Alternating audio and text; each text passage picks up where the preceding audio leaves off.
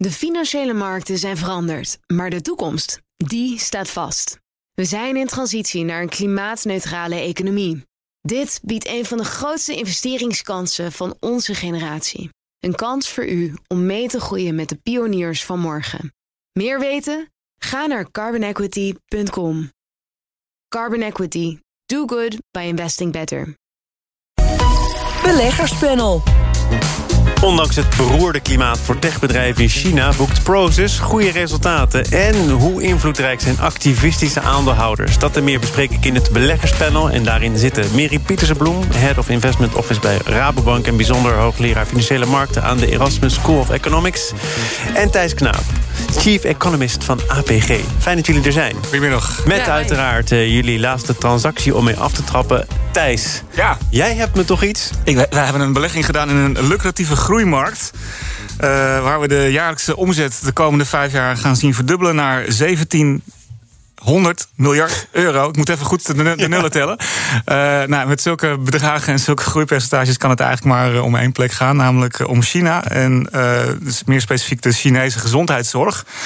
Waarom groeit die markt zo? Vraag je je af. Nou, uh, dat heeft te maken met de vergrijzing in China. Dat, hoe ouder mensen zijn, hoe meer gezondheidszorg het doorgaans nodig is. Dat is ook daar het geval. Heel laag geboortecijfer, las ik deze week nog. Dat is waar. Ja, dus voor de, de, de kliniek voor geboorte is misschien minder maar uh, voor de ouderen denk ik des te meer. En uh, bovendien heeft de gemiddelde Chinees steeds meer te besteden uh, aan gezondheidszorg. En er is in China nog steeds convergentie in regels. Dus de, de regels lijken steeds meer op de onze. Recent zijn ook de regels voor het onderzoek, testen, productie van medicijnen gelijk getrokken. Nou, dat maakt het allemaal interessant om naar die Chinese gezondheidssector te kijken. En wat hebben we gedaan? We beleggen sinds kort in Chinese zorg vastgoed. samen met een van de grootste zorginvesteerders in Azië gaan we daar vastgoed ontwikkelen voor ziekenhuizen verzorgingshuizen, laboratoria uh, en uh, productiecentra voor medicijnen, zeg maar. Ik, ik skip hier even het woord ja. zorg. Ik begrijp dat dat heel essentieel is in je verhaal, hoor. Want ja, dat uh, geeft aan waarom je erin investeert. Maar dan hou je over Chinees vastgoed. Ja, dat is waar. en daar, dat staat een beetje in kwade reuk natuurlijk. We hebben allemaal gehoord over de Chinese vastgoedontwikkelaars. Dat is een, uh, een groep bedrijven waar het niet heel goed mee gaat. En ja, dan moet ik onmiddellijk gaan vertellen dat China een enorm groot land is... waar heel veel verschillende dingen aan de hand zijn. En dat het, uh, ja, dat het niet met alle Chinese vastgoed uh, slecht gaat. Dus wij denken dat als het om zorgvastgoed gaat, en dat is natuurlijk een categorie die we met zorg hebben uitgekozen, uh, dat de ontwikkelingen de goede kant op gaan. Dat we ik heb denk ik zelfs ook met jou wel eens over Evergrande gesproken en wat het allemaal kan betekenen voor de ontwikkelingen van Chinees vastgoed. nou gaat het hier specifiek om zorg. is het toch riskant of zeg je nou Thijs, briljante keuze? Nou, ik vind in eerste instantie altijd ontzettend leuk om te horen wat de pensioenfondsen allemaal doen. Uh, dus dank voor het inkijkje, uh, Keis, uh, Thijs. Sorry, ik, ik heb natuurlijk ook een tijdje samen met Thijs in hetzelfde team gewerkt voor APG. Dus ik heb daar warme herinneringen aan. vooral de directe beleggingen zijn fantastisch. Ehm, ik moet wel zeggen, ik stond vorige week op een podium voor vastgoedfinanciering voor ten behoeve van Nederland. En dan specifiek de Nederlandse woningbouw. En daar werd natuurlijk ook de vraag opgeroepen van waarom, uh, waarom kanaliseren we niet meer van onze pensioengelden richting uh, deze woning. Maar dat is misschien een andere discussie. Uh, dan gaan we op een heel ander pad zitten. Is dat een andere discussie of voel je toch geroepen om nou, erop te reageren? Dit is wel iets wat je vaker hoort. Hè? Kunnen we dat Nederlandse pensioengeld niet meer in Nederland besteden? En daar zijn soms hele goede redenen voor. En als er goede mogelijkheden zijn, dan doen we dat ook. maar er is ook nog zoiets als rendement. Nou ja, ik noemde net al de groeimarkt waar we nu, ons nu in begeven. En we denken dat daar toch duidelijk betere rendementen nog te behalen zijn.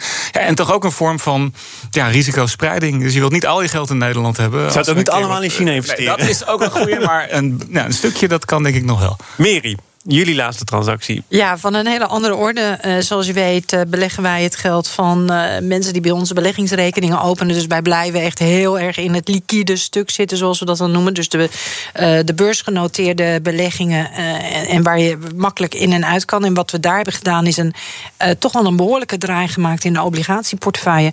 En eigenlijk weg van staatsleningen naar bedrijfsobligaties van hoge kwaliteit. En voor het neutrale profiel, dat is eigenlijk een 50-50 portefeuille 50, 50% obligaties, 50% uh, aandelen, uh, is die draai van 27% staatsleningen die we hadden naar 16%.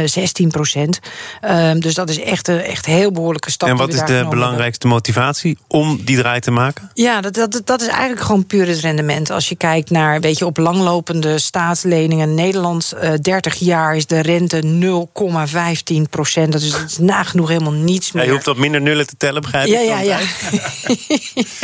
dat is tegen de nul.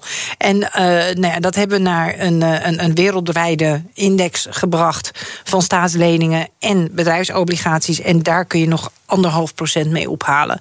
En dat vinden wij uh, zodanig aantrekkelijk. Uh, maar die zijn dan wel van hoge kwaliteit, dat zeg je natuurlijk met nadruk bij. Ja, dat zeg ik met nadruk Want bij. je kunt misschien nog wel meer ophalen als je bereid bent nog weer heel veel meer risico te lopen. Ja, als je naar high yield gaat, uh, he, dus dan, dan zit je echt in het speculatieve deel van de bedrijfsobligaties, kun je 3,5 procent ophalen. Maar het nadeel daarvan is dat die sterk gecorreleerd zijn met, met aandelen.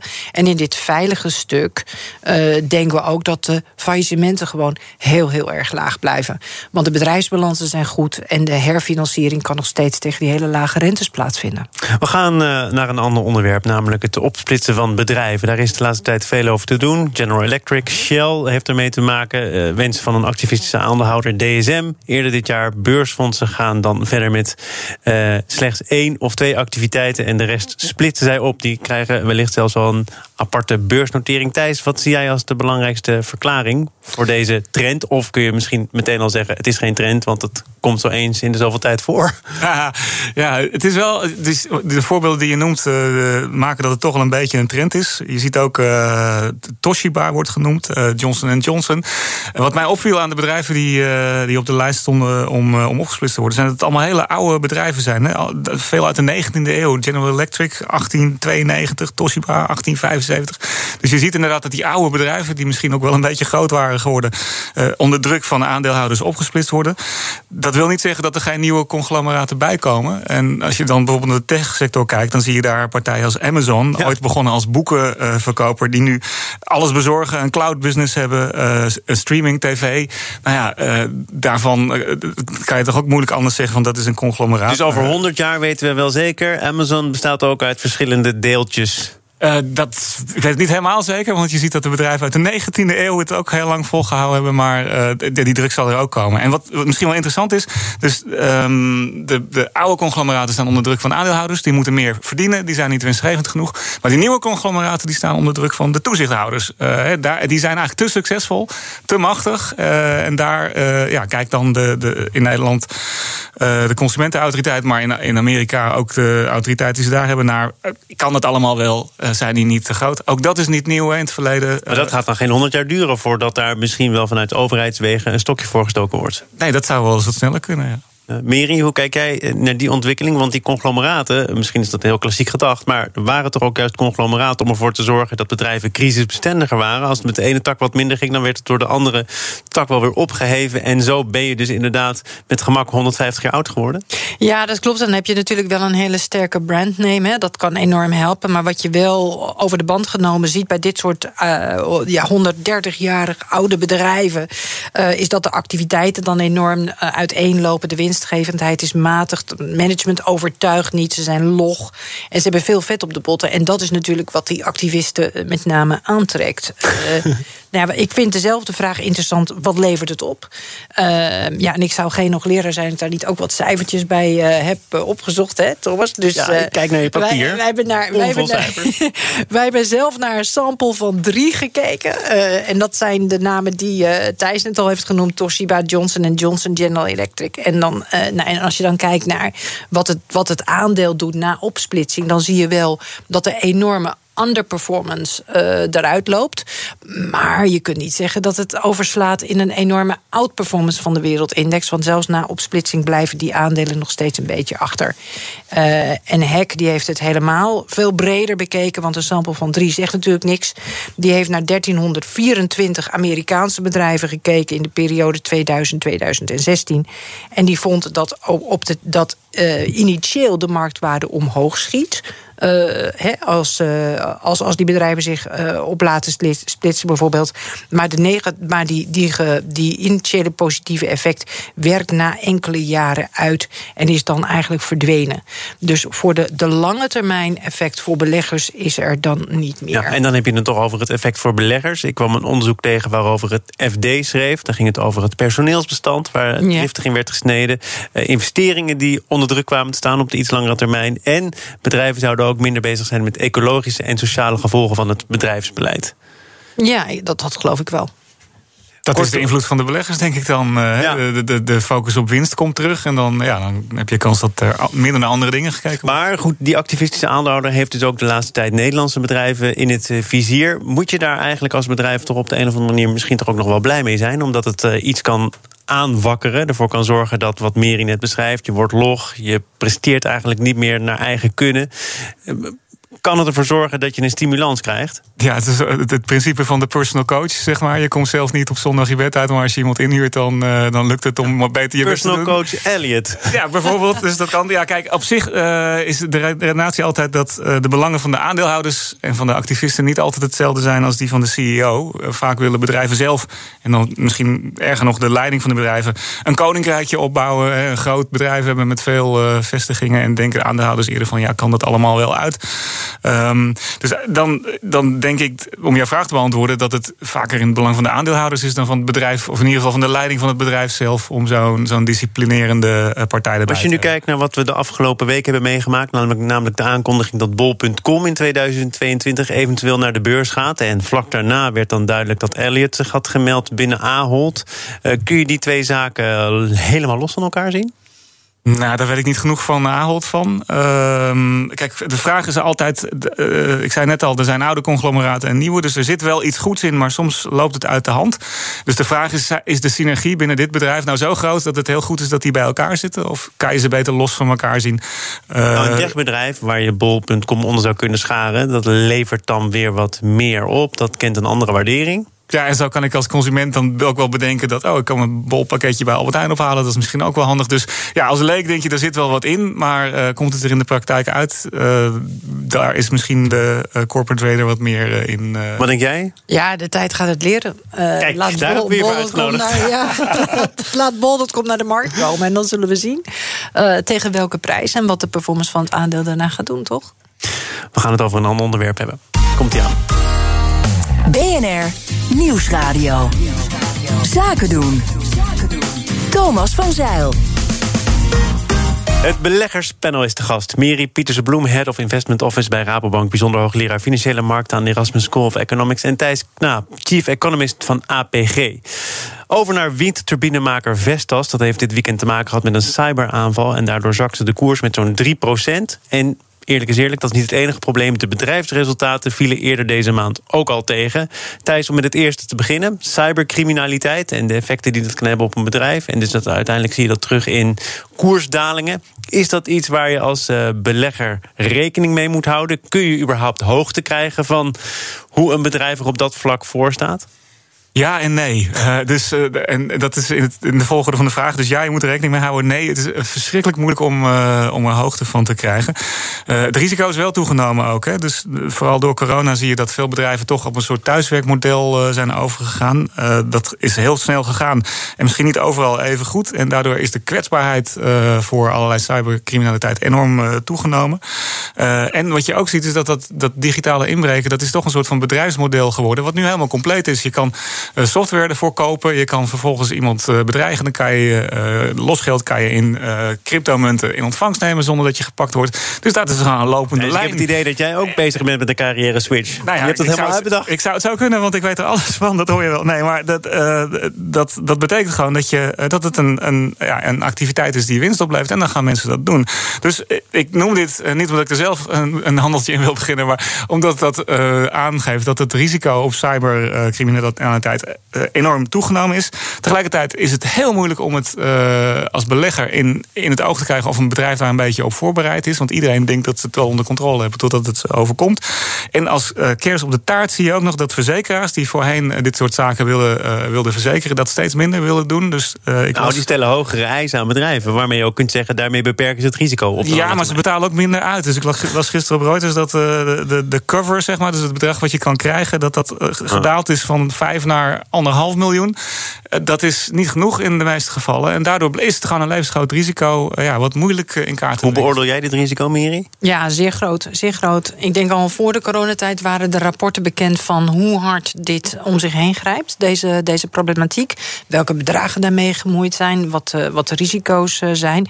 En wat je ook continu terugleest uh, in dit soort rapporten, is dat zowel bij de overheid als in het bedrijfsleven digitale vrijheid veel meer aandacht en lees dus ook geld zou moeten krijgen uh, voor bescherming. En en je, hoort ook gewoon het ene na het andere geval uh, van bedrijven die uh, ermee getart zijn. En waarschijnlijk is dat nog maar het puntje van de ijsberg, topje van de ijsberg. Want heel veel bedrijven melden het ook niet. En vooral niet als ze geld hebben betaald aan de criminelen om data weer terug te krijgen en de systemen weer vrij te geven.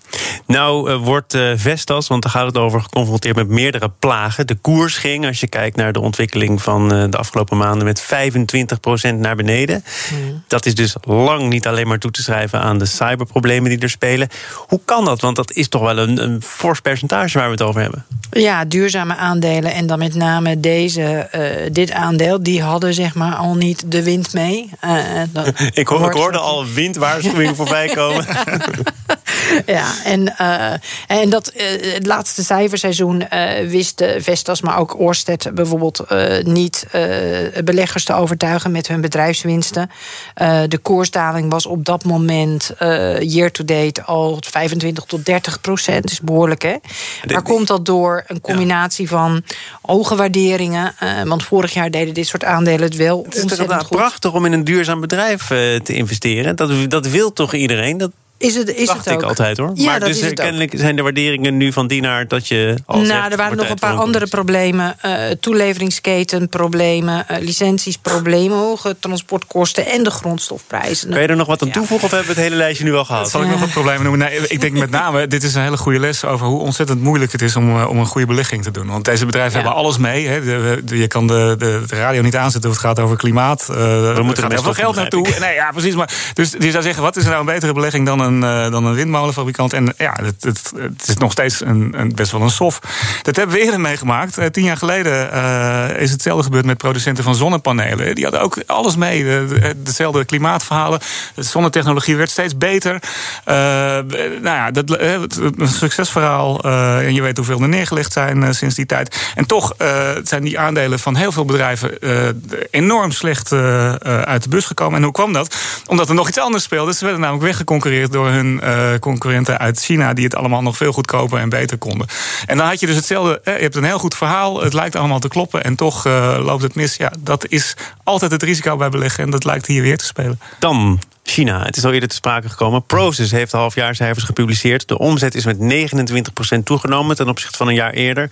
En toch kreeg het aandeel, daar moeten we het er ook maar even over hebben... in het beleggerspanel het afgelopen half jaar flinke klappen te verwerken... door de scherpe koersdaling van de Chinese Tencent. Want het was altijd zo, zeg je Proces, dan zeg je Tencent. Ik geloof dat Proces wel aan het proberen is om enigszins van Tencent los te komen. Ze hebben zelfs een plukje aandelen verkocht. Maar kun je nog altijd zeggen, als het goed gaat met Tencent... gaat het goed met Proces? Of, of laten deze cijfers iets anders zien? Nee, ik denk dat dat nog steeds het geval is. Enorm hoog concentratierisico noemen we dat in de beleggingswereld eh, ten aanzien van, eh, van, van één aandeel dan. Eh Proces heeft iets van 29% belang in, in, in. Dat is natuurlijk enorm. En, en daardoor worden eigenlijk bijna de hele bedrijfsresultaten van dit investeringsfonds be- bepaald. Ja, en, en Tencent, eh, dat heeft eh, de afgelopen tijd eh, de Chinese overheid op zijn weg gevonden. De CEO van Proces is een Nederlander, zegt in een korte toelichting dat China de grootste internetmarkt ter wereld is en Tencent het aantrekkelijk, aantrekkelijkste bedrijf. Kortom. Dat klinkt niet alsof hij binnenkort eh, de kip met de gouden eieren definitief gaat slachten. Hij ziet het helemaal zitten. Is dat eh, te rechtvaardigen, Thijs? Met je Of- zorg vast? Ja, of, hij wil het, eh, of hij wil het snel verkopen, dat kan ook. Nee, dat, Dat zou ook nog kunnen. Ja, de, nee, dus Tencent, het, voor de mensen die er niet dagelijks mee te maken hebben, is zeg maar het Facebook en Twitter van China. Dus best wel een belangrijk en groot bedrijf, wat ook inderdaad enorm waardevol geworden is. En waar het moederbedrijf van Proces op een goed moment een heel groot aandeel in gekocht heeft. Um, ja, en daar, daar gaat het de laatste tijd wat minder mee, omdat de Chinese overheid de afgelopen zes maanden bezig is geweest om de teugels aan te halen uh, op verschillende gebieden. Vastgoed hadden we het al eerder over, maar uh, dus ook op het internet. Uh, waar ze ja, toch een beetje bang zijn dat die private bedrijven misschien wel te machtig worden. als je het nou heel positief wil benaderen, dan kan je zeggen: Nou, de Chinese overheid heeft al gedaan wat we in het Westen nog moeten doen. we hadden het net ook al over die toezichthouders die hier naar Facebook. Dus je kunt er nu beter kijken. intappen, want je hebt de pijn al geleden. Precies, dus dat, dat, is het positieve verhaal. Het negatieve verhaal, wat ik niet, natuurlijk ook moet houden, is dat je nu iets geleerd hebt over de Chinese overheid. Namelijk dat die helemaal niet bang zijn om uh, bedrijven de, ja, aan te pakken. Zelfs als ze daarmee de beurskoers uh, midscheeps raken. En dat weet je dan voor de toekomst ook vast. Maar wat ik in dat licht wel interessant vind, graag jullie beide opvattingen. Bob van Dijk zegt daarover: als Europa nieuwe regels invoert voor technologiebedrijven, duurt dat een paar jaar. In China gaat het veel sneller. Maar de regulering daar verschilt niet wezenlijk van die elders in de wereld. Mary, Kun je dat onderschrijven? Ja, dat, dat, dat herken ik wel. Kijk, in wezen is China natuurlijk een staatsgeleid systeem.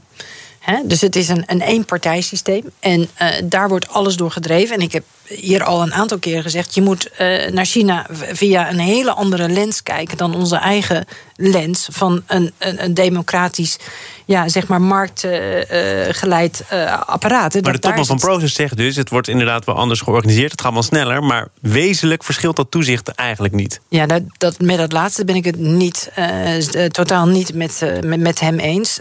alles wordt gedreven vanuit een bepaalde politieke agenda. En die politieke agenda zie je ook nog op een andere terreinen uh, niet zo mooi uh, staan te schitteren. Als het bijvoorbeeld gaat over mensenrechten schendingen uh, en, en allerlei andere zaken. En het speelt hier ook. Hè. Uiteindelijk handelt de partij vanuit haar eigen belang richting die bedrijven. En, en daar moet je als belegger continu ja. voortdurend rekening mee houden. Kort samengevat, Van Dijk zegt dus: Tencent blijft voor ons van groot belang. En zegt hij ook, ook jouw opvatting erover, Thijs, dat toezicht dat is eh, op een andere leest geschoeid, maar in de praktijk zie je geen grote verschillen. Ja, dat, uh, dat zou ik ook zeggen als ik, uh, als ik hem was. Ik denk wel dat er grote verschillen zijn. We zijn met name denk je ook... dat hij het zegt omdat hij geen uh, slapende honden... die zijn voor een deel al ontwaakt, maar op zich af wil laten komen?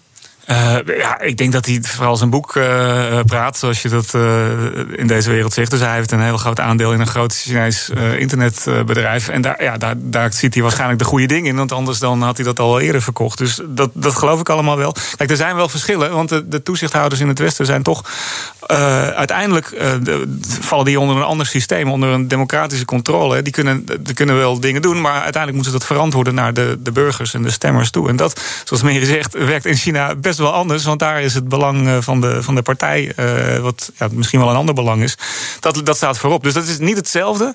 Is het resultaat uiteindelijk hetzelfde? Nou ja, dat weet ik ook niet helemaal. Um, voor beleggers in ieder geval de afgelopen maanden niet. Want ze hebben behoorlijk moeten inleveren op dit aandeel. Thijs Knaap, chief economist van APG... en Mary Pietersbloem, head of investment office bij Rabobank... en bijzonder hoogleraar financiële markten aan de Erasmus School of Economics. Dank voor jullie bijdrage aan dit prachtige beleggerspanel. Zometeen dan uh, praat ik verder met de toekomstige directeur van Pool Trading... de maritieme groothandel, wil de directie uitkopen... en doet dat via een notering aan de beurs NPEX. De financiële markten zijn veranderd, maar de toekomst, die staat vast. We zijn in transitie naar een klimaatneutrale economie.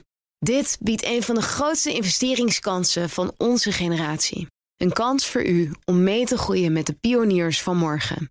Meer weten? Ga naar carbonequity.com. Carbon Equity. Do good by investing better.